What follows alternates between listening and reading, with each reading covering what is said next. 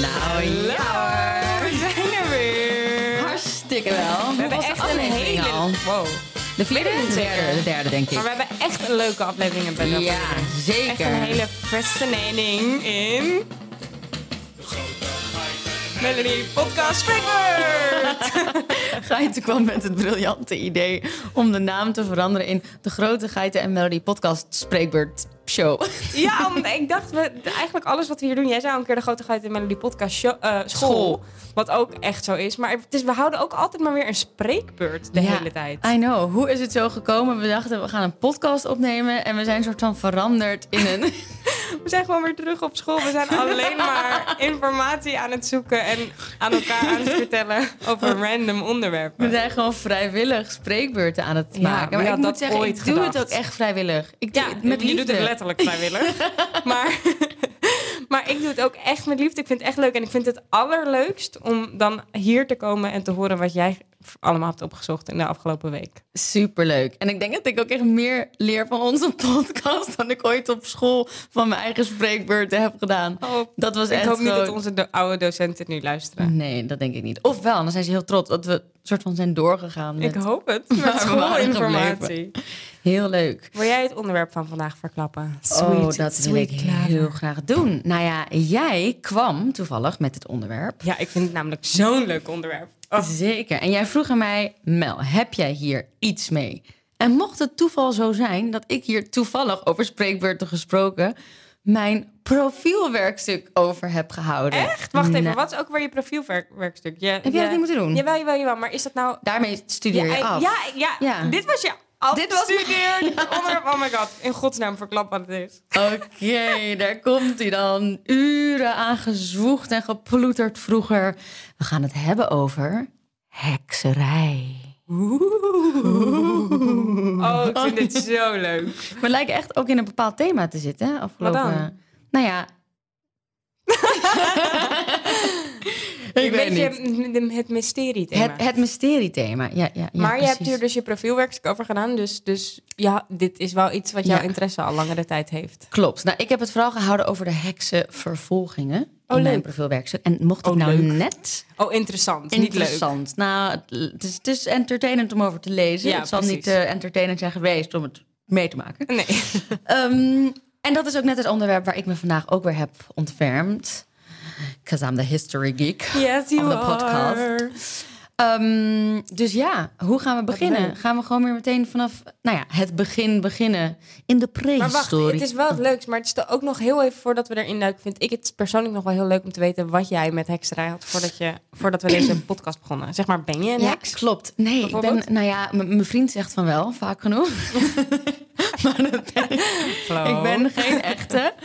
Nee, ja, waarom ik het zo fascinerend vind. Ik weet niet. Ik heb als, als eh, tiener vroeger altijd wel een fascinatie gehad voor mystieke wezens. Ik was ook Mhm. heel erg fan van series zoals Charmed en Buffy the Vampire Slayer. Oh, ja, en ja, ja, ja. al dat soort dingen. Ik, ik had, als tiener had ik een tijdschrift dat heette Wicca. Ja, Dat bestond vroeger. ja, zeker. had jij dat ook? Ja, ik, ha- ik had het niet, maar ik las het wel vaak. Ja, dat, dus dat, dat was gewoon echt een tijdschrift Ja. wat voor jonge meisjes was. Maar dat ging echt over, Over heksen. ja, over heksen. En daar ja. stonden dan ook wel eens spreuken in, wat heel geinig was. Ik weet ook nog wel een, een, een spreuk. Als je dan wou dat iemand je terugbelde, moest je op een vierkant terugbelden. Dat is zo specifiek. ja. of terugbelde of gewoon belde. Misschien Ja. niet, niet terugbelde, nee, be- belde gewoon. Dus weet ik veel, je, je love of iemand. Ja. Gewoon Iemand, je wou dat iemand je belde. Dan moest je op een vierkant papiertje diegene's naam schrijven, drie keer in een rondje. En dan moest je daar iets doorheen prikken, volgens mij een naaldje of zo. En dat dan naast de telefoon liggen en nog iets zeggen, een spreuk. Oh, en? Nou ja, dat heeft op een gegeven moment wel gewerkt. maar, maar misschien. En dat soort spreuken. En ja, grappig. Dus dat, dat, ik weet niet of dat, of dat tijdschrift nog steeds bestaat, maar dat Maar was wel, een beetje, wel een beetje een heksen, Ja, en, heksen background. Ja. Maar niet een, echt- niet een officiële heks. nee, ik ben zeker geen officiële heks. Maar ook wel heel erg geïnteresseerd altijd in edelstenen en hun krachten. Ja, en klopt. Jij dan- loopt ook heel vaak met edelstenen water. Ja, En je ziet altijd getallen. ja, Je ja. ziet Melody, jongens, dit is zo bizar. Mel ziet Ja. in alles 111. Ja. Maar echt letterlijk waar we ook gaan en staan en lopen. Het is niet normaal. Zij ziet denk ik wel, nou ja, waarschijnlijk 111 keer per dag. Ja, 111. ja, ja, toevallig net weer. Ja, de hele tijd. Laat ik het ook steeds in onze Ja, appgroep zien van... kijk jongens, het is weer, het is weer zover. het is weer zover. En jij, wat is jouw eh ja, affiniteit ik met hou het ook onderwerp? echt zo van heksen. Ik, ik was, speelde vroeger altijd, toen ik echt een kind was, speelde ik altijd heksje. Ik was er ook heilig van overtuigd dat ik een heks was. Eh, sowieso. Er, ergens ben ik dat nog steeds, maar ik totaal niet praktiseren. Zo vaak lopen Maar- oefenen op Wingardium Leviosa. Nooit gelukt. Nee, maar en ik had vroeger ook altijd van die heksenpoppetjes in de kamer hangen. Ik had heel veel heksenboeken, ik had heksenverkleedfeestjes. Ik was echt ook helemaal down to heks. Oh my god. En wat voor een beeld van de heks had je dan vroeger en nu? Was het dan zeg maar de oude Nee, kromgegroeide? ik vond heksen echt amazing. Ik, Ah, vond ja. nooit, ik had nooit die, die oude kronkelige vrouw met die pukkel op haar neus. Hoewel ik daar wel een poppetje van had.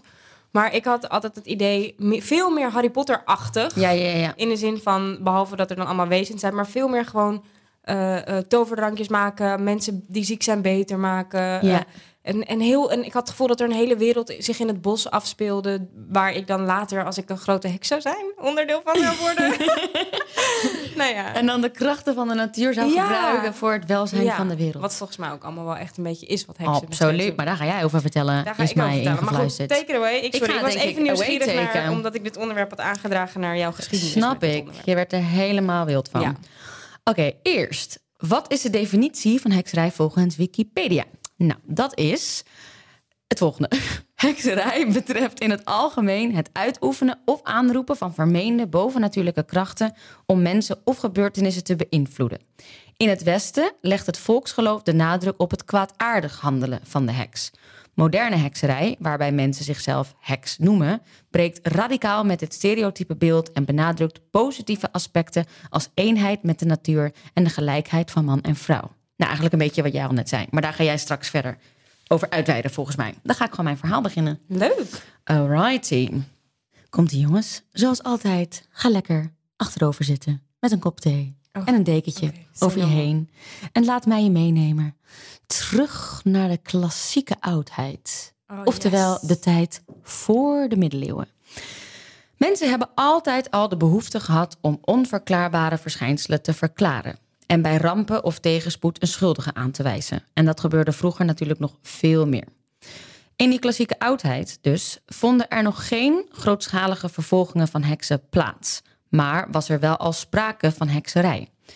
Tovenarij of hekserij werd door zowel mannen als door vrouwen beoefend. En het was nog geen verboden wetenschap, maar het maakte deel uit van de artes incerte. Misschien zeg ik dit verkeerd. Eh, en dat eh, eh, houdt in dat het een van de drie hoofdgroepen voor vakgebieden was die je kon studeren. Wat vet. Heel vet. Ik, ben er echt, ik stem echt voor dat we in sommige opzichten weer meenemen wat we ooit leerden. I Dit soort know, shit. Die Romeinen die En die waren echt hun tijd voor hoor. Maar echt, meid. Ja. Echt, Of wij lopen onze tijd achter. Ja, dat is ook het. noemen. Dat is het. Goed. Als de heks of tovenaar zijn of haar magische kracht gebruikte voor een goed doel, dan sprak men van beneficium, oftewel weldaad. Denk aan bijvoorbeeld alternatieve geneeskunde. Maar gebruikten ze de toverkracht voor maleficium, misdaad, dan kon je daar wel voor worden opgesloten of gedood worden als je daarvan werd verdacht. Als je tovenarij wilde studeren als occulte wetenschap, Oh, wat leuk. kon je daarvoor hartstikke terecht in Spanje, met Nee. name in Toledo. Ja hoor. Oh mijn god. Je kon gewoon naar Hogwarts. Oh, wat was dat leuk geweest. Ik, oh, Superleuk. Ik super graag nog naar Maar dit is echt lang geleden, hè, voor Ja, de ja, middeleeuwen. Ja, ja. Ik weet het, ik weet het. Goed, dus zo af en toe werden sommige heksen of mensen die werden gezien als heks al beschuldigd van zwarte magie. Bijvoorbeeld als een oogst mislukte of als een mens ziek werd. Af en toe werden deze heksen dan vervolgd, maar de straffen waren nog niet zo heftig als dat ze later zouden gaan worden. Eerst vonden de mensen het namelijk vrij normaal dat er heksen waren. Ging er iets goed, dan kwam het door de dorpsheks. Ging er iets kut, dan kwam het ook door de dorpsheks. Top. Zo simpel was het. Zoals ik al zei, eh, hekserij was voor de middeleeuwen zelfs een hoofdvak wat je gewoon kon studeren. Maar dat veranderde. Vanaf ongeveer 1500, na de middeleeuwen, neemt het aantal mensen dat beschuldigd wordt van hekserij en daar een erge straf voor krijgt toe. Heksen worden, werden voortaan misdadigers die gestraft moesten worden. Er kwamen heksenjagers die op zoek gingen naar heksen en ervoor zorgden dat ze voor de rechter moesten komen. En anders, zoals de meeste mensen denken, vonden deze heksenvervolgingen pas plaats na de middeleeuwen en bereikte ze haar toppunt en gedurende de late, gedurende de late 16e en vroege 17e eeuw. Want ik moet eerlijk zeggen, ik heb altijd gedacht dat dit volle bak in de middeleeuwen Ik ook. plaatsvond. Totaal. Dat heksen verbrand werden op brandstapels in de middeleeuwen. Ja, maar misschien, dit had ik ook wel moeten herinneren nog van mijn profielwerkstuk. Oh ja. Heb je die eh, profielwerkstuk er weer even bij getrokken? Of was die nee, onvindbaar? nee, een of onvindbaar. andere oude grote computer. Onvindbaar. Ja. Ergens op, op, op die gigantische Ja. Apple-kast. nee. Alright, maar wat is er rond 1500 gebeurd dat deze heksenwaanzin zo in gang heeft Ja, gezet? daar ben ik ook benieuwd naar. Nou, dan ga ik je vertellen. In de tijd van de heksenvervolgingen vonden er door heel Europa veranderingen plaats in de kerk. Eerst had iedereen namelijk hetzelfde geloof. Het christendom had nog maar één stroming, het rooms-katholicisme.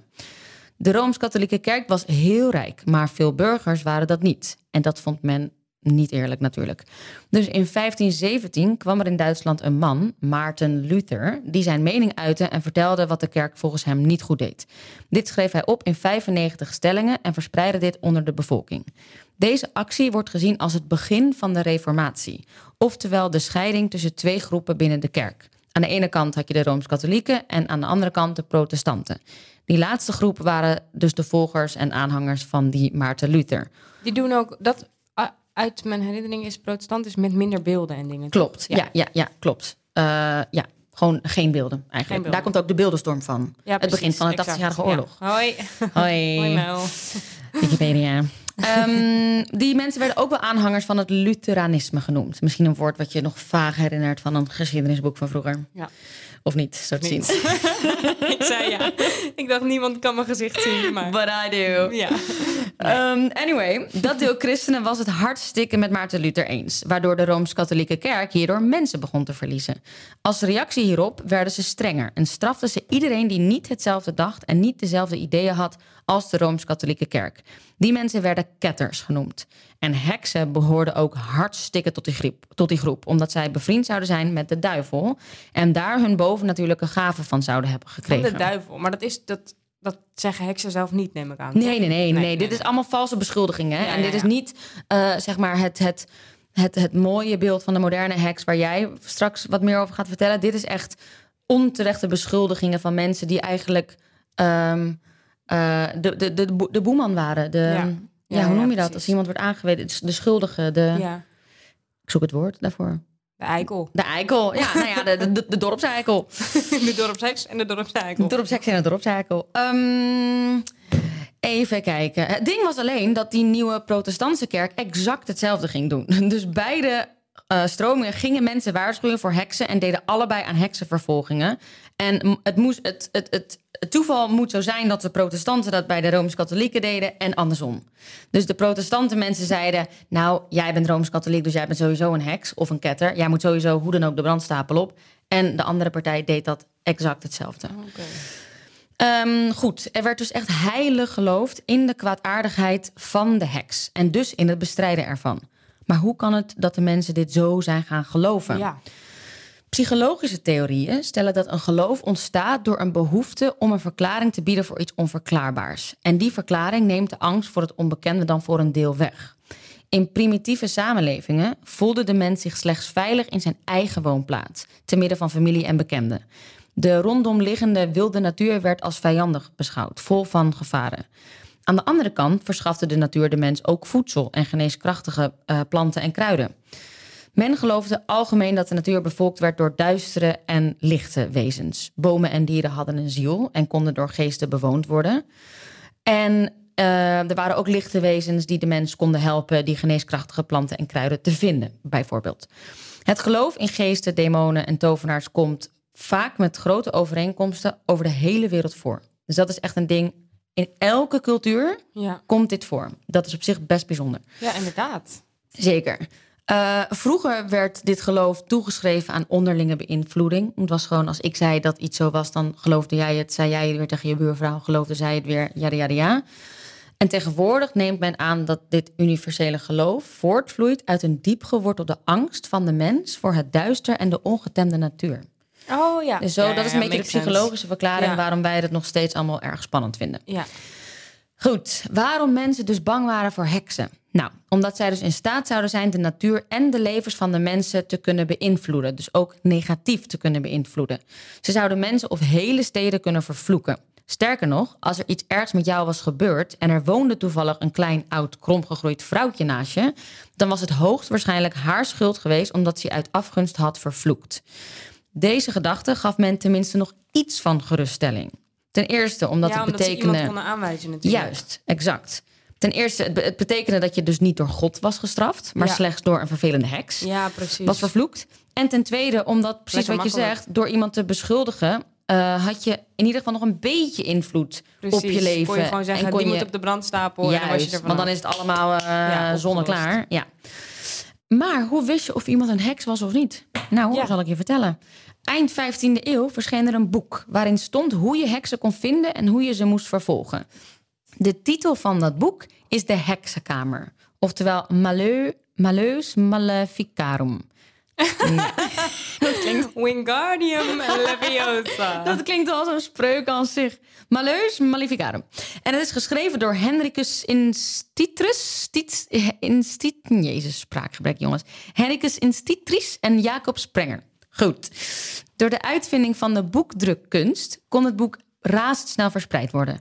In het boek worden de volgende kenmerken van een heks genoemd. 1. Een heks heeft een pact met de duivel. Een ergere doodstonde bestond er niet. Oké. Je, je herkent ze wel als je op straat loopt. Je herkent ze wel. Ze hebben rode oortjes. Het is echt niet te missen. Heksen bezitten gaven, magische Ja. krachten... waarmee ze dus de natuur en alles in het leven kunnen manipuleren. En drie, heksen offeren kinderen aan de duivel... door het te Hou doden je en in bek. de lucht te houden. Hou je Een bek. soort van Simba in de lucht, maar dan met even. een dode baby. Ja, Wat? super heftig. Maar wat dus heel, heel kut was aan dit...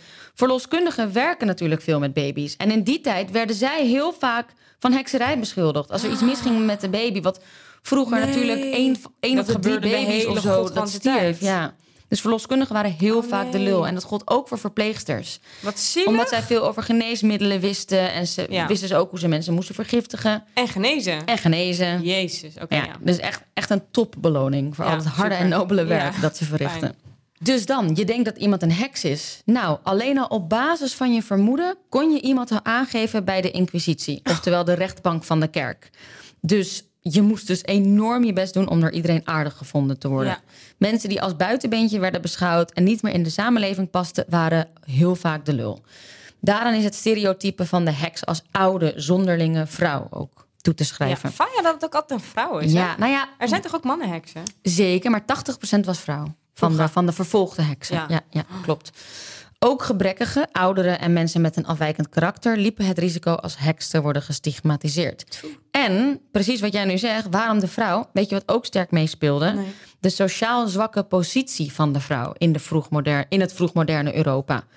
Want met name oudere of ongehuwde vrouwen en weduwen waren gemakkelijke slachtoffers Ah. voor de aanklagers. Er wordt ook beweerd dat heksenjachten, bewust of onbewust, gebruikt werden door de autoriteit om vrouwen te onderdrukken en te disciplineren.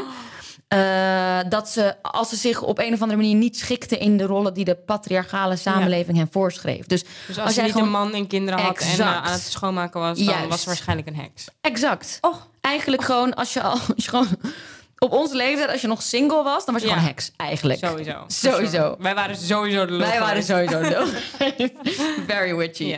Nee, maar exact. Dus, dus je moest zo vroeg mogelijk ervoor zorgen dat je, dat je Ja. gehuurd werd. En, En, en, dat je, en dat niemand dacht dat je een heks was. Zo stom. Ik wil nu juist dat iedereen denkt dat ik een heks ben. Ja, ja, maar dat is nu, dat was vroeger gewoon anders.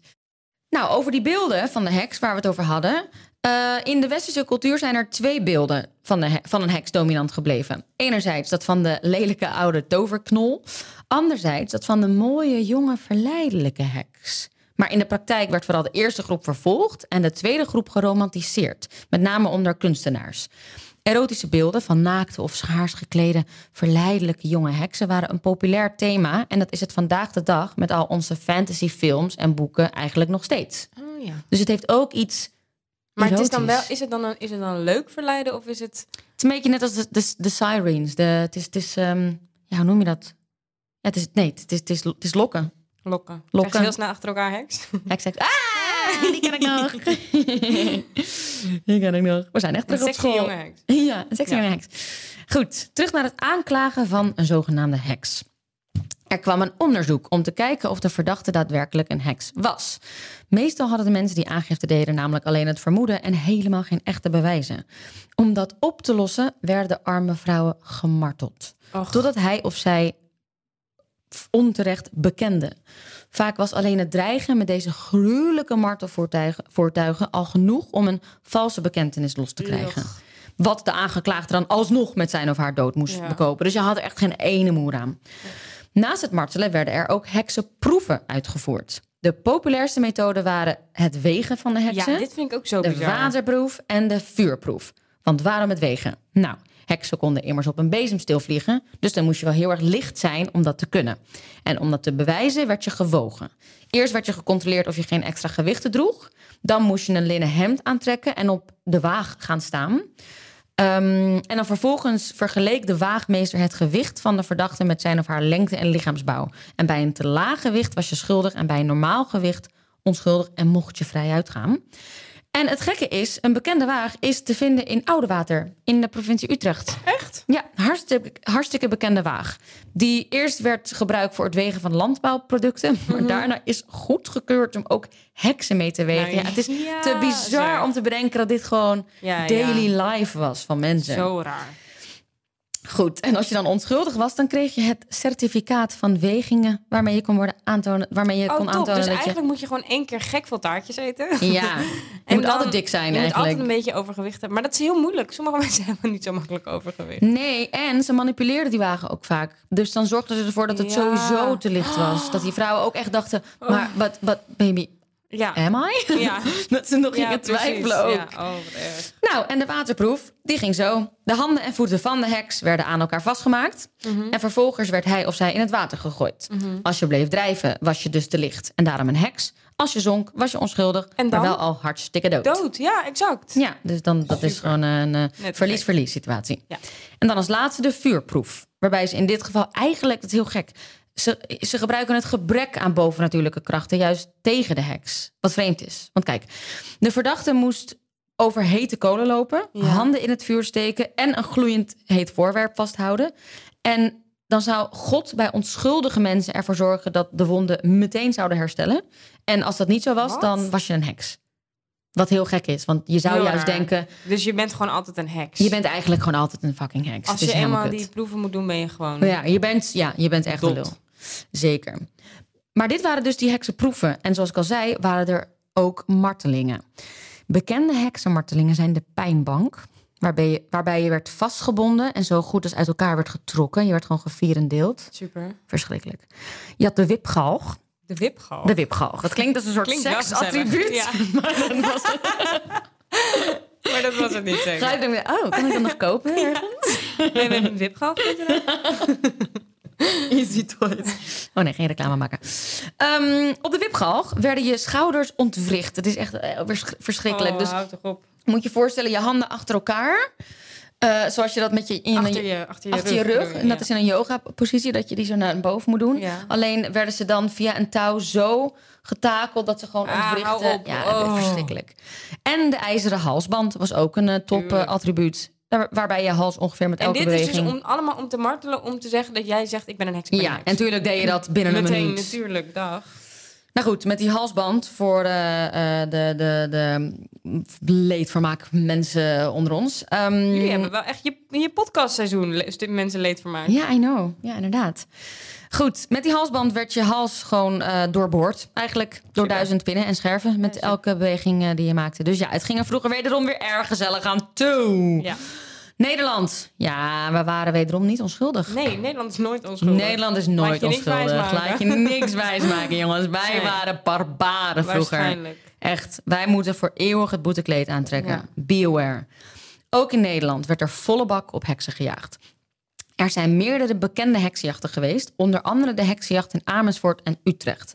De verdachten werden gefolterd en gedwongen om de namen van andere heksen te noemen. Dat was ook Oh. zoiets. Dus zo ontstond er een ellenlange kettingreactie van onschuldige heksen die weer andere onschuldige heksen gingen Ja, verraden. precies. Goed, ik heb een verhaal over een van die heksen. Oh, leuk. Ehm, een van die verhalen gaat namelijk over Grietgen Willems en haar 15-jarige dochter Adriane. Die in 1595 in Amersfoort zijn opgepakt. Uh, een vrouw zou namelijk ziek zijn geworden van een haring die ze van Grietgen had gekregen. En deze vrouw had daarop een zegening, oftewel een ontheksing van Grietgen verlangd. Dus vaak als je dacht, ga je oh, ja. jij hebt mij behekst, dan ga ik naar je toe. Ontheks me. Ontheks me. Dus en ik heb voedselvergiftiging gekregen, los het op. Precies. Basically. Dus uh, Grietje die denkt, nou oké, dat, dat, probeer ik maar. Maar die zegening had natuurlijk niet geholpen, want, nee, want ze is geen heks. Gewoon een verkeerd. Ja. Um, daarna had zij de dochter Adriane nogmaals om een zegening gevraagd, maar die had geweigerd, omdat ze dan het zou als bekentenis uitgelegd kunnen worden dat ze een heks zou zijn en dat zou dus een aantasting van Adriane's reputatie kunnen zijn. Dat was de dochter. Goed, inmiddels droegen buren nog veel meer beschuldigingen aan. Er zouden kinderen gestorven zijn door zegeningen van moeder en dochter. Oh. Um, ze zouden, dus moeder en dochter werden uiteindelijk gevangen genomen en er volgden nog meer beschuldigingen. Kinderen zouden ziek geworden zijn na het eten van appels die ze van moeder Grietgen hadden gekregen. En uh, nou, het ging helemaal mis. Adriane bekende uit angst voor de marteling. Adriane was de dochter. De dochter, ja. Zij bekende meteen uit angst voor de marteling. Mhm. Ook bekende ze onterecht dat ze gedanst zou hebben met de duivel. Moet je nagaan hoe bang zo'n kind is geweest voor al die martelingen. Het is sowieso zo zielig als mensen gedwongen worden tot iets. Ja. Live. Ja, dat is niet, nee, dat, dat staan we niet achter. Nee. Moeder Grietgen ontkende waarop Adriane haar bekentenis weer terugtrok. En ja, het wordt echt alleen maar kutter. Moeder en dochter waren echt niet populair, want er kwamen nog meer beschuldigingen. Dus moet je nagaan, het hele dorp beschuldigd Ja, want iedereen dacht waarschijnlijk super, als zij het weg zijn, dan ben ik zelf veilig. Juist, ja. Dat nog. Uh, maar onder dreiging van martelingen bekende Adriane wederom alles. Uh, de moeder bekende pas tijdens de marteling. Zij werd uh, gewurgd en verbrand.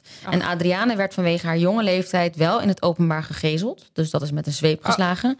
en in de gevangenis gestopt. En later op haar achttiende alsnog vermoord. Oké, wel ja. Super. Drie jaar gemarteld, toch vermoord. Super. Zeker. Zeg, hoeveel mensen denk jij dat er in die heksenvervolgingen zijn vermoord? Oh, dat vind ik heel ingewikkeld, want ik ben echt extreem slecht met getallen. Maar het zal wel in de millies zitten? uh, nee, dat niet. Maar wel heel veel. Dit, dit probleem ken ik trouwens. Dat heb ik ook heel erg. Echt een, en meteen een error als iemand ah. zegt hoeveel. Ik, als er 100 mensen in de kamer zijn, dan zie ik er 20. Ik snap, ik kan dat ook echt niet. Naar schatting zijn er tijdens de Europese heksenvervolgingen tussen de 15e en 18e eeuw zo'n 60.000 mensen op brute wijze gemarteld en vermoord. Van wie circa 80% Zo vrouw was. onnodig. Ja, het echt de, de meest... Nou ja, alle vervolgingen zijn natuurlijk onnodig, maar...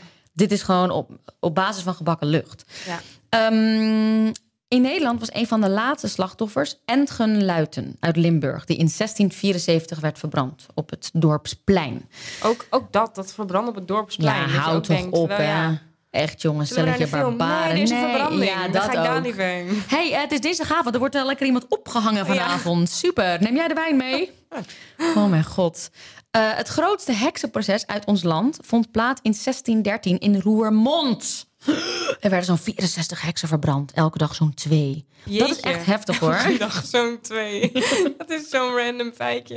ja, I know. Uh, ik heb het niet verzonnen. Nee. Um, maar dat is pittig. Ja, dus, dat is echt heel pittig. Dus voor alle mensen die luisteren uit Roermond. Ja.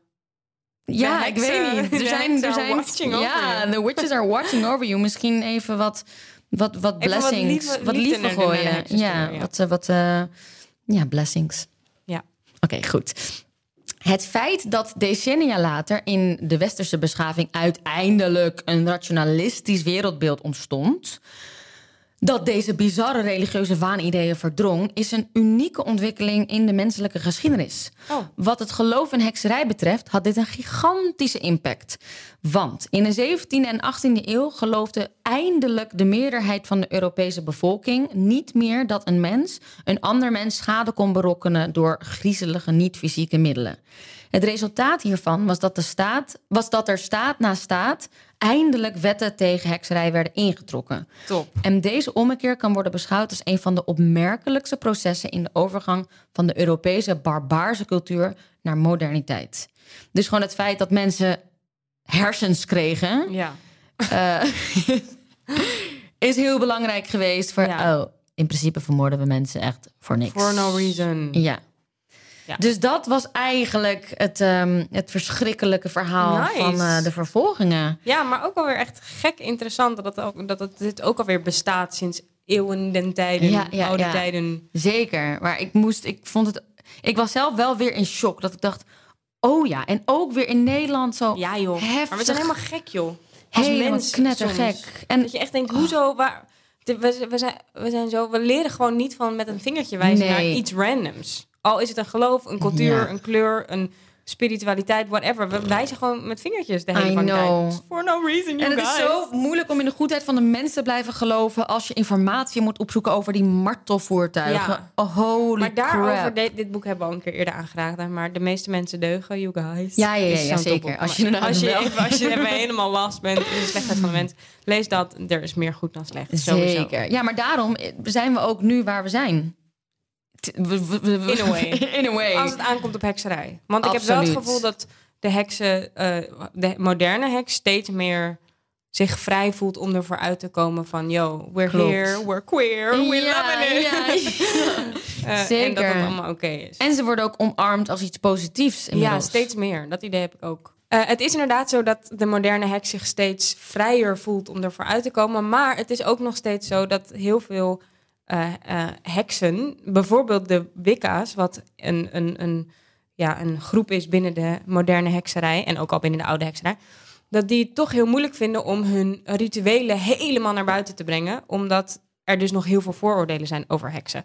Dus ik dacht namelijk, leuk, ik ga het even hebben over rituelen. Wat doen de heksen nou eigenlijk de hele Ja, tijd? dat vraag ik Nou, me ook heel erg af. ja, nou daar ben ik wel even flink tegen een, een, een muur gelopen. Oh. Dus ik ga gewoon, ik ga je gewoon vertellen wat ik wel heb. Ehm, want ik ben me natuurlijk weer helemaal ver- verloren in een soort van In dat gat ja, der een soort informatie. domino van informatie. Echt. Ik had die vroeger nou nooit last van. Vroeger was het Oh. gewoon copy-paste Ja, en gewoon echt. gaan met die banaan. Nu was er weer veel te veel. Ik, heb, er, ik kwam er gewoon achter dat er zo ontiegelijk veel rituelen zijn. En rituelen zijn rondom eh, hekserij en, en niet, ook niet hekserij. En Ja, ja, ja. dat ik me op een gegeven moment bedacht van... oké, weet je wat, ik ga me toespitsen op een fenomeen... binnen rituelen en binnen hekserij. En dat is... De maan. Want ik dacht... Ja, de maan is natuurlijk gewoon zo'n mooi ding aan de hemel. En nou ja, dat was een leuke gedachte van mij. Maar toen kwam ik erachter dat ik wel eh 4 miljoen podcasts over de maan kan maken. Want er zijn echt eindeloos veel verhalen en rituelen en religies en stromingen en culturen op wie de maan haar invloed uitoefent. Want voordat de maan werd beschouwd als een grote brok steen, wat wij nu over het algemeen doen, was de maan gewoon een god of een godin. Oh. En haar kracht was niet theoretisch, maar je kon haar voelen. De maan veranderde je stemming, je gedrag. Nog Klok- steeds. Nog steeds. Maar dat was vroeger ook echt een algemeen bekend feit. Ja, ja, in plaats van ja. Dat, we nu, dat nu sommige mensen dat denken. Ja. Ehm, de, de maan trok aan de oceaan, zo veroorzaakt ze getijden. En ze zou ook invloed hebben op de menstruatiecyclus. En ze helpt ons met tijd berekenen, want maanden zijn immers oorspronkelijk manen. Eh. Gebaseerd op de maancyclus van 29 dagen. En de maan werd geassocieerd met water en daarom met gevoel. Ze kan lust opwekken of onrust of woede of verdriet. En in sommige verhalen, en ook heksenverhalen, kan een volle maan je zelfs in een weerwolf veranderen. Oh. Maar wacht. Om me niet helemaal te verliezen in al die verschillende verhalen en verschillende rituelen, die verschillende stromingen binnen de he- hekserij allemaal toepassen, heb ik me heel even gericht op daar waar ik altijd lekker op terug kan vallen. als ik het even niet meer weet. En dat is de Griekse mythologie. Oh my god. Dus even. You naughty girl. Je bent gewoon nou een uitstapje gaan doen. Ja, wie is nou eigenlijk de maan? Ik moest er toch even achterkomen wie de maan nou Ja. eigenlijk is. Of ik zeg nu wel de maan, bedoel ik niet Selene of Artemis of Cynthia of Diana. Wat? Ja, Ja. Want om deze grote witte stralende bol aan de nachtelijke hemel enigszins te verklaren, ben ik natuurlijk even in de boeken gedoken om erachter te komen wie ze precies is. Of wie de oude Grieken dachten dat ze was. En volgens de oude Griekse mythologie werd kort na de schepping van de aarde Selene geboren, de godin van de maan, dochter van Titanen Hyperion en Theia. En Selene had een zus, Eos, de dageraad, en een broer, Helios, de zon. En met z'n drieën verzorgden ze het natuurlijke licht op de aarde en in de hemel. En elke nacht, zodra Selene haar broer Helios, aka de zon, terug hoort komen van zijn overtocht, begint zij op haar beurt aan haar tocht langs de hemel. Met haar maanwagen, die wordt getrokken door twee stieren, trekt ze s'nachts van oost naar west langs de hemel en verlicht ze de aarde met haar heldere stralen, die zachtjes weer kaatsen in de zee.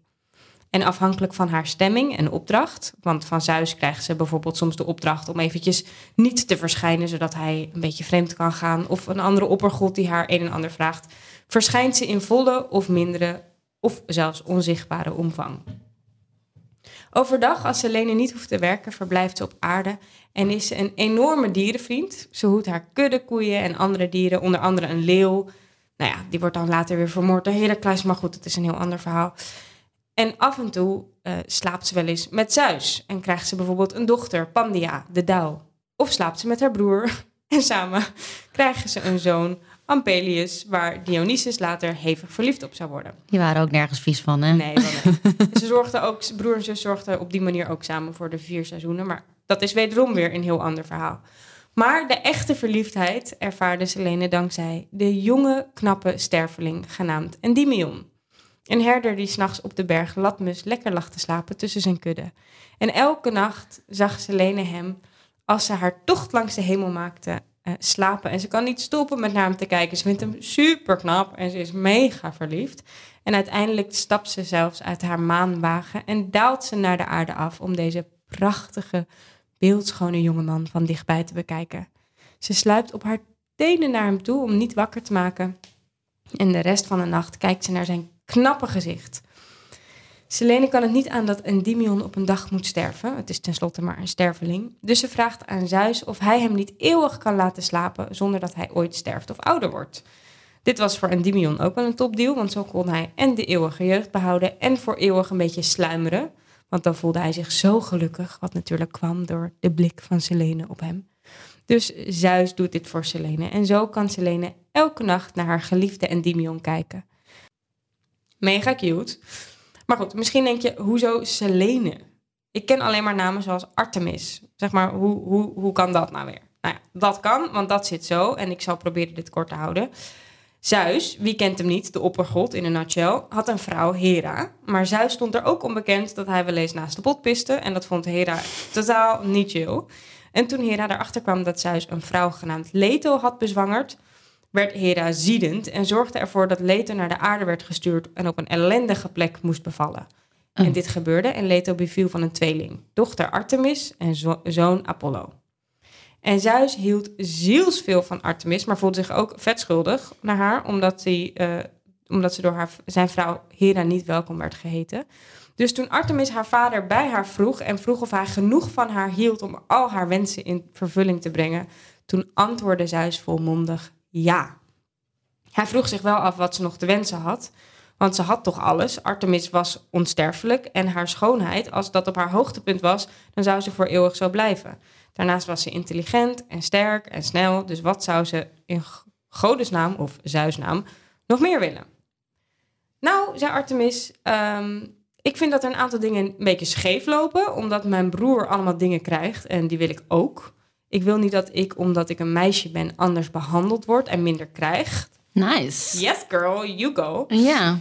Um, dus ze had een paar eisen. Ze zei: Ik wil nooit een vriend of een echtgenoot of iemand die mij op dat soort manier dan ook aanraakt. Ik Wat vet. Ja. Ik ben goed zoals ik ben en daarom hoeft helemaal niemand bij. Wat een topfeminist. Misschien wel de eerste. Echt, jongen. Daarnaast, ik wil heel veel verschillende namen of titels eigenlijk, net zoals mijn broer. Ik wil een zilveren boog met zilveren pijlen. Ik wil een, een tuniek die tot mijn knieën komt om in te jagen, want lange jurken zijn onhandig. En uh, ik hoef niet over steden te regeren, maar ik wil wel berghellingen en bossen. En herten en jachthonden. Ik wil een koor van jonge meisjes en een ploegje nymfen om mijn honden uit te laten en voor me te zorgen en om mannen bij me vandaan te houden. En ik wil dat vrouwen het makkelijker hebben bij bevallingen. Want OMG, that shit hurts. Dus ik wil vrouwen kunnen helpen. Oké, die droom is niet waargemaakt, denk ik. Nou, het schijnt dus dat er de kraamplekken, uh, uh, dat bevallingen echt een, een hoogtepunt bereiken tijdens volle maan. Dus oh, dus she is actually helping us. Oh. Nou, mijn hemel, zei Zeus, dit is echt een gigantische lijst. Waarom vraag je de maan er niet meteen bij, op? en toen zei Artemis, hé, hey, dat is een hele goeie, doe de maan daar ook maar bij. Verder zal ik nooit meer om iets vragen. Dus Zeus vervulde al haar wensen en zo werd Artemis de godin van de jacht en van de kuisheid, van het ongevormde en ongetemde, van honden en hinden en van vroedvrouwen en van de maan. Ze had heerschappij over natuur, instinct en alles wat wild was. Ze werd bevreesd en, bewonderd. En soms werd ze naar de berg genoemd waarop ze geboren was, Cynthia. En de Rome- Romeinen noemden haar Diana of Luna. Dat zijn Romeinse benamingen. Zo, nu weten we dat de maan al in de tijd van de oude Grieken genoeg stof tot verhalen met zich meebracht. En dat termen als vrouwelijkheid, bevallen, wild, instinct al in één adem genoemd werden met de maan. En trouwens met hekserij, zoals je net van Mel hoorde. En zo bestaan er al sinds de oudheid verschillende rituelen rondom de maan en verschillende aanbiddingen rondom de maan. En een van de oudst bekende rituelen rondom de maan is het Drawing Down the Moon ritueel. Hierover is niet heel veel bekend, maar wat ik erover vond is dat de Thessalische, hoop dat ik dit goed uitspreek, de Thessalische heksen uit de Romeinse tijd er onbekend stonden dat ze de maan uit de lucht naar beneden konden trekken. En als zij dat deden, werd de maan bleek of bloedrood. Dit is mogelijk een teken van maansverduistering. En zij konden dan het schuim van de maan oogsten. Oh. En dit schuim werd weer overgebracht op planten die later geoogst, wer- geoogst werden en maansap bevatten. En dit maansap werd dan weer gebruikt in, om in een liefdesdrankje te doen om de aantrekkingskracht van iemand te versterken, zoals de maan zelf ook aantrekkingskracht heeft. Wauw. I know. Soms werd dit naar beneden trekken van de maan ook met een wiel gedaan, met behulp van een wiel. Hier zijn ook allemaal oude tekeningen van. En uiteraard eh, zijn er de wildste fantasieën over waar dit maansap dan uit zou bestaan. En die suggesties gaan van vliegenzwam tot aan het menstruatiebloed van een jonge heks. Top. Nu schijnt dat ook in de moderne hekserij het drawing down the moon ritueel nog altijd bestaat. Alleen gaat het nu niet meer over de liefdesmagie en over maansap, maar over het aanroepen van de maangodin. En het precieze ritueel rondom dit hedendaagse verschijnsel kon ik niet vinden, want zoals we wel begrijpen na het verhaal van Melodie, zijn de hedendaagse Wicca's een, een stroming binnen de moderne hekserij. eh, die een, het, een soortgelijk ritueel zouden uitvoeren, relatief beschermend als het gaat over informatie rondom hun rituelen. En dit heeft dan weer alles te maken met de vooroordelen die er vallen rondom hekserij. Dus ik snap het. Ja, totaal. Maar al eeuwen werken onder andere heksen dus al met de maan. En dat is voor de moderne heks niet anders. Want met name de kracht van de volle maan wordt gebruikt om plannen te maken en onze intenties kracht bij te zetten. En om dingen los te laten. ja. Dit be- gebeurt op heel veel verschillende manieren. Bijvoorbeeld door het trekken van een cirkel. Dit kan ook weer op heel veel verschillende manieren. Een cirkel kon je trekken door letterlijk eh, in een cirkel te gaan staan. Als je het ritueel samen uitvoert met andere mensen. Dat je Ja. een cirkel maakt. Of door een cirkel te trekken in de aarde met je vinger of met een stok. Of door edelstenen in een cirkel te leggen. Of door je cirkel te visualiseren. Of door iets, bijvoorbeeld salie, te laten branden. En dan een cirkel te trekken door middel van rook. Nou, dit, er zijn echt eindeloos veel verschillende manieren. Dit verschilt heel erg per heksenstroming, maar ook gewoon per mens. Waarom een cirkel? Ook dit verschilt weer heel erg per stroming en per mens. Er wordt gezegd dat een cirkel een, een cirkelvorm heeft geen begin en geen einde. Dus je werkt met een oneindige vorm. Ja. Dus hier in deze plek, eh, daar is ook een oneindige ruimte voor magie eh, en voor eh, energie, wat je daarbinnen opwerkt werkt en je bent veilig. Ja. Er wordt ook gezegd dat de cirkel de functie heeft van een doorgang naar het rijk van godheden. Het Oké. fungeert ook als bescherming tegen kwade krachten. En het is tevens een psychologisch middel om jezelf in de juiste bewustzijntoestand te brengen. En waarom bij volle maan? Omdat de maan het invloed heeft op alles wat er op aarde gebeurt. En deze invloed is bij volle maan het grootste. Oh. Maar een cirkel trekken is maar het begin. Het verschilt enorm per stroming. Ik zeg het echt 120 keer, maar dat Ja, dus omdat ik in een soort hol zat van informatie en erachter kwam dat er... Ik dacht, er zijn gewoon heksen, punt. Nee. Maar dat is niet zo. Er zijn zoveel verschillende heksen. Ja. Want het zijn natuurlijk gewoon mensen. Maar goed, dat, dat, dat, dat duurde me ongeveer 840 uur... om erachter te komen dat er zoveel verschillende heksen zijn. Ja. Dus het verschilt heel erg eh, wat er dan gebeurt en hoe mensen er vervolgens mee omgaan. Sommigen trekken de cirkel en pakken er vervolgens een glazen bol erbij om daarin te kijken. Anderen nemen een zoutbad. Anderen oefenen dankbaarheid uit, eh, laden hun edelstenen op, gebruiken het om te mediteren. En weer anderen prevelen spreuken en dansen rond het vuur. Super. En weer andere, ja, het, is, het verschilt echt. Nou, Ja. Iedereen doet maar wat. Ehm, omdat er zoveel te vinden is over de maan en omdat het zo ontzettend gebonden is aan verschillende vormen van geloof en spiritualiteit, heb ik voor ons, Mel, een Ja. ritueel. Oh. Wat wij kunnen gaan uitvoeren bij de komende volle maan. Oh, wanneer is die? Ja, die is de eerste volgende is op 30 november. Oh, dat is bijna. Maar dat is bijna, dus ik dacht we kunnen het ook doen op 30 december. Het is niet altijd op de 30ste, by the way, dat is nu toevallig. Dat is namelijk de laatste volle maan van dit jaar. En oud en nieuw. Oh nee. Bijna. bijna. Ehm, wel leuk, want waarschijnlijk ga je de maan nog voor 99% vol doen op 31. Oh, Wat wel cool is. love it. Ehm, Wat moeten we doen? ja, oké. Oké, dus wat, wat ik, ik... Ik heb hier een, een ritueel die... die eh, ja, wat ik er heel leuk aan vind, is dat hij heel vrijblijvend is. En het voelt echt als een ritueeltje voor beginners. Ja, Om even te proeven aan een maanritueel. oké. Eh, ja, de laatste volle maan van dit jaar lijkt me dus leuk om, om daaraan te beginnen, die op de 30ste. Maar wat wil jij? Of doen we 30 november al? Ik kan niet wachten. Ik wil eigenlijk 30 november al. Let's maar of is, hij, of is hij meer powerful op 30? Oh ja, dat zei je. Omdat Nee, het de laatste van het jaar doen. Het is, in, in feite is, zijn, is het het idee dat je altijd bij volle maan een ritueel doet. En als je een echte eh diehard heks bent, dan gebruik je waarschijnlijk ook de nieuwe maan. En et cetera. Er zijn vier soorten manen eh, waar je iets waar je Ja. ritueel omheen kan doen. Maar we spitsen ons nu even op de Ja. volle maan. Laten we het 30 november doen. Oké, cool. Eh 30 november. Het is, eh, bij een volle maan is het, eh, is het tijd om de zaken achter je te laten en los te laten. Zodat je met een schoon schip kunt beginnen aan de nieuwe dingen die straks de ruimte hebben om te ontwaken. Ehm, dit is niet voor november, maar voor december. 30 december staat de maan in kreeft. Want de astrologen, ik dacht, alleen heksen boeit, het boeit die maan. Maar dat is dus totaal niet waar. De astro- astrologen hebben ook weer een heel systeem rondom waar de sterrenbeelden staan rondom de maan. Dus als je daar, als je daar warm van wordt, echt Google. Nee, niet Google. Luister onze astrologie-aflevering. Ja, Astrologieaflevering. Google, Ja, hallo. Nee, de grote goed. Geiten Melody podcast spreekbeurt Ja, show eh, school. podcastschool, spreekbeurt. Ja, Vorig seizoen, astrologie. Ga los. Oké, dit is het ritueel.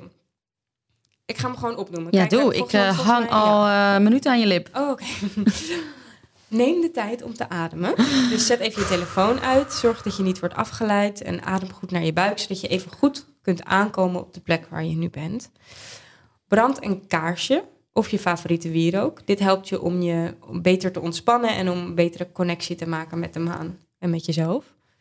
En als je er klaar voor bent, neem de tijd om na te denken over datgene wat je los wilt laten. Iets of iemand wat, niet, wat jou niet meer dient. Schrijf dit op een briefje. Neem rustig de tijd hiervoor en probeer heel specifiek te zijn, of zo specifiek mogelijk. Als je dat gedaan hebt en je bent klaar voor de volgende stap, dan vergeef je jezelf in de eerste plaats voor het hebben van eventuele negatieve gevoelens. Of, voor, eh, of je vergeeft die persoon als iemand jou iets, weet je, misschien negatief voor Ja. jou geweest is. En vervolgens probeer je je voor te stellen hoe het zou voelen als deze situatie of deze persoon jou niet meer dwars zit. Eh, probeer ook weer zo specifiek mogelijk te zijn en heel concreet te visualiseren hoe, hoe het voor jou zou zijn dan. Ja. Alles. Dan is het tijd om los te laten en het aan het universum over te laten. En dit kun je bijvoorbeeld doen door je lijstje te verbranden en je zorgen weg te geven aan het universum en aan de maan. Als je niet wil verbranden omdat je dat eng vindt, dit is een puur gedachte van mezelf, heb ik ook even opgezocht wat je dan kan doen. Je hoeft het niet te verbranden, maar het is wel belangrijk dat je het mentaal loslaat op een manier die bij jou past. Door bijvoorbeeld je papiertje te versnipperen of door het loslaten echt heel specifiek te visualiseren. Je kunt het hierbij laten, eh, bevrijd en met een schone lei klaar voor alles wat er de komende maand komt. Of je gaat nog even door en je schrijft je intenties op voor de komende maand. Ja, want dat is wel fijn. Dan ben je af van het ene en dan ben je ready for the next. Ja. Exact. Probeer hierin ook weer zo specifiek mogelijk te zijn en altijd in positieve te praten. Dus niet, ik wil niet meer dit. Bijvoorbeeld, ik wil niet, ja, niet, ik wil niet meer. eh, ja, dus eigenlijk niet werken met negatieve Nee, woorden. Ik wil niet meer arm zijn, want dan wordt er gericht op het woord arm. precies. Maar dan gewoon, ik wil rijk zijn. Ja, of ja, exact. Ehm, ik denk dat ik wil rijk zijn. Ja, nee, dit was echt... dat- too ah, dit is- dit- En ook he- maan, en heel breed. Laat ik het zo zeggen. Ik Ik wil... niet, ik wil niet, eh, eh, wat we, Ja, ja, hoe ik wil niet meer schulden hebben. Ik wil, maar dan, ik wil financieel vrij zijn deze maand. I don't know. Ik zeg Ja, maar je wat. Snapt het. Je gewoon snapt niet gewoon- negatief praten, maar positief Ja. praten. Eh, als je de nieuwe Dit is een veel beter voorbeeld. Ik wil me niet slecht voelen, maar dan zeggen ik wil me goed voelen. Ja, there Gaat meteen maar over geld, hè? Ja. Die meid snel geld op. Nou, als je de uh, nieuwe intenties en het loslaten liever wilt scheiden, kun je er ook heel goed voor kiezen om het loslaten ritueel tijdens volle maan te doen. Om je echt traditiegetrouwd daar aan het volle maan is loslaten Ja. te houden. En dan zou je je nieuwe intenties Ah, met kunnen doen bij het ritueel van de nieuwe maan. En dat is twee dagen later of zo, vandaag. Nee, de eerstvolgende nieuwe maan na de volle maan van 30 december is Ja. op ja- op 13 januari 2021. Maar, Want wat gebeurt er in die Google 13 dagen daarvoor dan? Nou ja, de, Tussen volle maan en nieuwe maan? ja, daar heb je ook weer twee soorten manen in. Oké. Ben ik heel even de naam ervan vergeten. Nou, komt goed. Google knows it. Maar eh, ja, Google knows Ja. it. En vooral als je maankalender op Ah ja, Google, dan top. kom je gewoon op de letterlijk dat, ook de tijden waarop de maan vol is of nieuw is.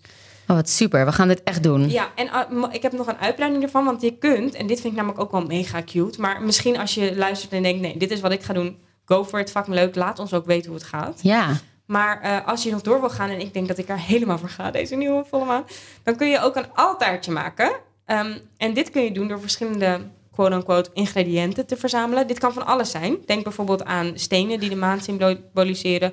Of eh, bloemetjes geplukt uit je tuin. Of iets van moeder aarde. Een, een walnootje bijvoorbeeld. Of een appeltje. Oh ja, gewoon dingen Eh, uit de natuur. Gewoon elementen Ja, die je jou hoeft gewoon... niet ver te zoeken. Het enige wat je hoeft te doen is heel bewust eh, te kiezen. En eigenlijk te vragen aan de natuur of de elementen om je heen... of zij willen bijdragen aan Oh, aan- of je het mag altaartje. lenen. Ja, of je het mag lenen of je het mag gebruiken. En als je geen kristallen in huis hebt, dan kun je het ook doen met takjes of blaadjes. Het gaat, er, het gaat echt over dat jij erover nadenkt en dat je het vraagt aan de elementen die je kiest. Maar nou niet het mooie bosje uit je buren's eh, tuin gaan snoeien. Gewoon dingen laten staan. Hou die in de gaten. Hands off. Vervolgens dan eh, steek je een kaarsje aan en dan zet je je intentie neer. Dus je bedenkt echt heel goed wat je intentie is voor deze komende maand. Of wat jouw intentie is voor jouw altaartje. Als je, als je daar een eigen idee bij hebt, is dat ook goed. En daarna leg je eigenlijk je, je ingrediënten, om het maar even zo te noemen, neer. En daarmee aard je de intentie. Dus meestal, ehm, eh, ja, eh, meestal leggen, als je een altaartje maakt, Ja, op de ja. teken van de volle maan, leg je dat dan ook in een cirkel. Oké. En daarom, dat, nou, laat je fantasie erop los. Maar het is wel mooi als daar een cirkel eh, bij betrokken is. Ja. En dan, eh, ja, wens of bid of dank je daarbij. Of je zingt erbij. Zodat je echt heel helder je intentie neerzet in je altaartje. En tot slot kun je... Maar wat doe je dan? Dat cirkeltje, daar doe je ook iets in? Of, dat, Nou ja, je kan het cirkeltje helemaal, helemaal leggen zoals je zelf wil. of om, je- om Dat- jezelf heen? Nee, eh, eh, dat kan. Als Voor je dat je. wil, maar voor je bijvoorbeeld. En dan eh, bijvoorbeeld op tafel. En stel je voor, je hebt een, een steentje waar, wat voor jou de maan symboliseert. Dan leg je dat bijvoorbeeld in het midden. Oké. En dan leg je, weet ik veel, mooie bloemetjes en nootjes in een cirkeltje eromheen. En takjes. Weet je, maak Ja, er een mooie ja, ja. mandala-tekening van. Maar, ehm, en maar onthoud wat je intentie is en blijf... Doe echt een soort meditatieve ding, leg je dit allemaal neer. I get it. En op het einde, als je klaar bent, eh, dan zegen je je op, opstelling. En daar kan je bijvoorbeeld wierook voor gebruiken, of palo santo, of whatever. Eh, het kan ook een kaneelstokje zijn, letterlijk gewoon iets wat even voor jou Ja. brandt. Al blaas je een kaarsje uit, of al doe je het alleen met je adem. En daarmee zegen je eigenlijk je, je, je mini-altaartje voor Ja. de volle maan. En dat kan je zo lang laten liggen als je wil. Je kan het ook af en toe opnieuw rangschikken als je dat wil. Je kan een kaartje in het, kaarsje in het midden zetten als je dat wil. Ehm, het is het idee dat je dus met jouw energie echt zegt van... Yo, Ja, Ehm, ja, ik heb deze en deze intentie en nieuwe maan. Get me nice. through it, girlfriend. Oké, dus wij hebben straks er gewoon een hele lichting nieuwe hekjes bij. Ik hoop het. Ik Ja. ben dus heel benieuwd wat dit voor jou, voor jou en voor mij gaat doen. En voor jullie thuis, als jullie dit dus vet vinden, ook. Ja. Mocht je dit trouwens vet vinden, dan vind je het misschien ook wel heel leuk om te weten dat dus de eerstvolgende volle maan op 30 november is. De eerstvolgende nieuwe maan op 14 december 2020. En die valt samen met een maan-eclips. En in de Ah. astrologie betekent een maan-eclips of maansverduistering dat de effecten van een nieuwe of volle maan weer veel sterker zijn dan normaal. En eclipsen openen weer poorten naar een nieuwe toekomst, wordt gezegd. Dus hierom zijn ook weer echt eindeloos veel eh rituelen te vinden. Dus nou ja, als je, er, als je geïnteresseerd bent, zitten we dus in een vet mooi maanjaar eigenlijk. Wat top. Nou, we ja, nou ja, mag ook wel na zo'n jaar. Even een ja, mooie oh, maan. Het is wel interessant, want als je dus kijkt naar de maanden van 2020... Dat Die voorspelden dit al. Maanden. Ja, het zijn echt maanden van maan, maanden, maanden, maanden van gekke van maanden. transformatie allemaal. Echt van Wat transformatie bizar. en en bla bla bla. Dus dat is wel super Heel, heel tof. Maar ik eh, duik er wel helemaal in, denk ik. In Zeker. rituelen. Maar wat ik ook nog tof, tof eh, vond om te horen. Volgens mij zei je dat tegen me voordat we op, Ja, op dat we record hadden gedrukt. dat jij ook wel uh, moeite had met de rituelen van heksen te vinden. Omdat het dus blijkbaar een best wel een beschermde exact. Dus je society is waar je echt lid van. Of ja, wat vertel. Nou ja, zoals ik het begrepen heb, is dat je. Dus je hebt heel veel verschillende stromingen binnen de hekserij. En je hebt ook gewoon binnen de spiritualiteit. En dat is in heel veel, voor heel veel mensen is het een beetje één. Ja. Die geven ook niet zichzelf per se de naam heks, maar ook niet per se niet. En die zijn wat meer spiritueel en doen dit soort maanrituelen. Maar je hebt ook echt de, de Wicca's. En zoals ik het begrepen heb, ehm, laat ik het zo zeggen, ik heb daar een aantal documentaires over geprobeerd te kijken en bla bla. En in, in die interviews met dus heksen die zijn aangesloten bij zo'n bij de Wicca's, die zeggen ook van joh. Uh, hoe het werkt is dat eigenlijk op internet kan je daar niet het juiste van vinden. Ah, want, ehm, maar er zijn echt scholen waar je naartoe gaat. Dus je moet jezelf echt opleiden tot een, tot een daadwerkelijke Wicca. Uh, maar als dat voor jou voortbestemd is, dan komt dat op jouw pad. dus wat dan ontmoet je de juiste mensen die jou op, aan het juiste adres Dus het universum beslist over jouw lot als heks, als ja, en, mogelijke of, heks. misschien de, de, de, wet van aantrekking. Weet ja, je. Dus als je vaak genoeg zegt van, yo, ik wil dat wel heel graag. Dan komt dat op je pad. Ja, dan komt het op je pad. En ze zijn dus heel beschermend met hun rituelen. Uh, omdat... Um, omdat, nou ja, door wat jij net allemaal verteld hebt. Dus ze, ze willen ook niet dat iedereen zomaar weet, want ze komen ook wel eens samen. Uh, en niet altijd, maar wel af en toe. En ze hebben ook wat grotere rituelen. Um, wacht even, Melanie moet niet zeggen. Bless you. Die moest uit meteen komen. Uh, ja, dus, dus het is echt een... Het is, it's a thing. It's a thing. It's echt een thing. En, en Heel interessant. Ook, wat bijvoorbeeld ook wel een leuke vind, is dat je hebt toch van die heksenbezemstelen. Ja. Van dat soort um, bezems. Nou, heel veel wicca's hebben dus zo'n bezem um, in huis. En dat is, dat is niet om op te vliegen, de, maar het is wel om, uh, om kwade geesten binnen, buiten de deur te houden als je zelf niet thuis bent. Uh, dan zet je hem, als ik het goed op Ja, je zet hem dan bij je deur. Ja, en dan zet je met de, met de ja, wat ge gedeelte de, de ve het veegding zit omhoog. Beneden. Nee. Oh, beneden. En als hij omhoog staat, is, dan ben je zelf ook thuis. En dan is, het, dan is iedereen welkom. Of dan zijn de goede geesten welkom en de, de, zijn je gasten welkom. Ja. Maar een belangrijk onder de, uh, onderscheid van bijvoorbeeld Wicca's en weer heel veel andere heksenstromingen... is dat Wicca's again, als ik het goed begrijp, want het is dus nogal moeilijk om aan informatie te komen. Maar is dat Wicca's geloven in zowel witte magie als zwarte magie. Ja. Dus geloven inderdaad in... het goede en het kwade wat je kan doen. Kwade, maar ook echt in dat, er, dat je slechte um, spreuken kan uitoefenen. Oké. Okay. Dus dat, dat doen ze niet, voor de record. Nee. Dat doet echt niemand, want ze zijn alleen maar... Iedereen is alleen maar ready to love. Maar ze geloven, maar ze dat, geloven het mogelijk dat is. het mogelijk is. Ja. Uh, en heel veel andere heksenstromen geloven dat bijvoorbeeld niet. Die geloven alleen maar in de goedheid van de natuur. En, uh, exact. Ja. Dus dat zijn weer allemaal hele verschillende uh, Interessant. dingen. Maar het is wel super fascinerend. Ja, want dat vond ik dus ook zo boeiend. Omdat ik dus eigenlijk op zoek was naar... Gewoon, nou, wat zijn verschillende heksen En uitkwam bij een Griekse mythe. Ja, omdat ik dacht, ja, ik kom er gewoon niet in. Dus dan ga ik maar iets waar ik Zeker, maar het is allemaal met elkaar verbonden. Ja, en aan de andere kant zijn er ook weer zoveel rituelen, zeg maar want over de moderne spiritualiteit zijn mensen dan weer mega open. Ja. Je kan wel 240 ma volle maan Zeker. En ook daarin heb je zoveel stromingen. Want wat Precies. je inderdaad zegt, je hebt de wet van aantrekking, je hebt astrologie, je hebt... Uh, numerologie. Je hebt numerologie. van alles en nog wat. Ja. Het is wel echt super fascinerend. En ik vond de maan uiteindelijk dan wel weer heel erg leuk. Omdat de maan komt echt... Dat de, een, heksen worden heel erg geassocieerd met de maan, toch? Als Ja, je ja, heksen ja. tekent, heb je zo een heks, een bezemsteel, een weerwolf en een maan. Zeker. Toch in een, in oude kinderboeken. Ja. Maar dat de maan is dus echt... Is voor bijna elk geloof en elke cultuur en elke stroming... is de maan iets om aanbeden te worden. Dat is Ja, snap ik. Ik aanbid de maan ook. Oh, show, de maan is sick. De maan is our homeboy. Yep. Zeker. Yep, yep, yep. Dancing in the moonlight. Yes, girl. Sing it. Wat leuk. Ik ben heel blij met je mooie verhaal. Is toch, dat haal- heeft iedereen zijn hoofd hopelijk weggehaald... bij die verschrikkelijke Ja. heksenvervolgingen van mijn, van mijn Ja. verhaal. ja, en mocht je nou, want ik ben echt mega nieuwsgierig hierin naar ook weer eigen ervaringen van mensen. Dus mocht je nou eh, hierin iets Ja, zeker. hebben Hartstikke DM'en. ons aan te vullen of ons te corrigeren of whatever, ehm, ja, mail ons naar de grote Superleuk. dag en nacht Want we lezen het altijd. We lezen het altijd, ook de DM's, eh at Melody Klaver of Gaite Jansen. We vinden dat echt heel erg leuk. Ja, en we reageren als we kunnen. Ja, exact. Superleuk. Oké, thanks Geit voor je leuke verhalen. Ja, jij ook bedankt. Ik vond het een hele leuke hele ik leuke ook. Ik heb er heel veel geleerd. Ik hoop dat, dat, ik, een, dat ik een, een 8 plus krijg Ja, eh, voor ook. Een spreekbeurt. I know. Ja. Nou, boek ons voor een spreekbeurt. Ja.